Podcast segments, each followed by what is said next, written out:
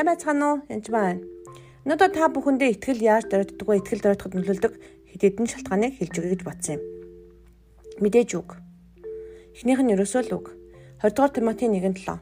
Учир нь бурхан бидэнд айдсын бус харин хүч ба хайр, хүч, хайр ба бие захих сүнсийг өгсөн. Бидэнд айдсын сүнс өгөөг байх нь харин хүч өгсөн байна. Хайр өгсөн, бас бие захих сүнсийг өгсөн гэсэн үг. Тэгэхээр биднэрт хүчж байдаг, хайрч байдаг, бие захирах сүнсөөс байдаг байх нэ. Тэр бие захирна гэдэг бол ганцхан биеч ам хилээ бас захирна гэсэн үг. Тэр бидний айцыг тунхлаж болохгүй. Иргэн тойрондоо ч гэсэн айцыг тунхлаж болохгүй. Нэгэн удаа бид нөхөртөөгөө гэр бүлээрээ итгэж хүмүүстэй уулзсан юм л да. Их л мундаг гэр бүлийн хүмүүс байсан. Хоёлаад нэг нь магистр сурдаг, нэг нь теологийн сургуулийн доктор төгссөн, пастор байжгаад пастор биш болсон тийм хүн байсан.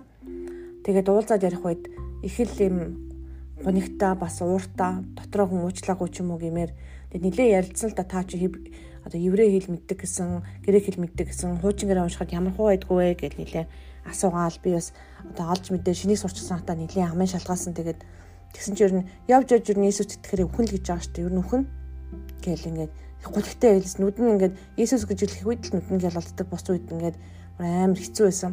Тэгээд бараг л уулзалт хурдан дуусаасаа л гэж утсан. Дуусаад машинаа бариад явж байхдаа ингэж яхаар хоёлаа тулалж жагаад өгсөн дээртэй гэх нөхөртөө бараг тэгж хэлсэн. Ингэж бууж өгч эсвэл нэг одоо цөлөгт байгаа хүн шиг ингэж байж болохгүй чинь энэ хүн чинь хайр хаанаа юм бэ гэж бодогцсон. Тэгээ бид бид хүн шүүхгүй хоёлаа айгуул мундаг хүнийг шүүжээж магадгүй гэдэл өнгөрсөн л доо. Гэтэ тэр хүнээс маш их тийм айц а тэрээс гадна тийм үхэл дандаа ам нь ерөөсөө ерөөсөө болохгүйсэн дандаа сураг юм ярьжсэн.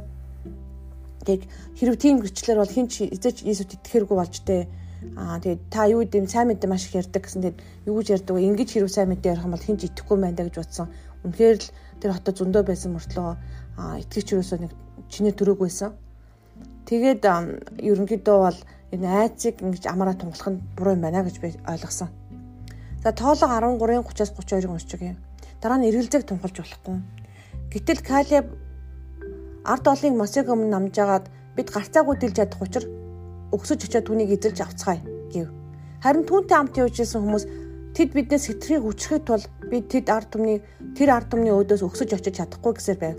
Тийхүү өөртөө тагансан нутгийн талаар тэд Израилийн хүүгүүдэд базаахгүй мэдээг дэлгэрүүлж бидний тагнан туулсан тэр нутаг нь оршин суугчдад цөлмж иддэг нутаг бөгөөд тэнд бидний харсан бүх ард түмэн химжээгүй том хүмүүс юм гэдэл баахан олон яасан байна. Иргэлзээ дөрвөлэхээр маш хэцүү зүйлүүдийг хэлсэн байгаа.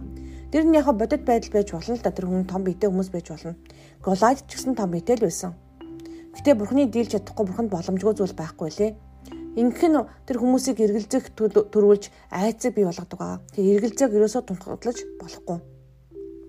Та Матай 8:17 хэлээ. Аа энэ нэг үзүүлэгч Исаагаар тэр бидний сул дорой байдлыг өвч авч өвчин зовлон маань үүрсэн гэж хэлүүлсэн бэлхэн тулд байлаа.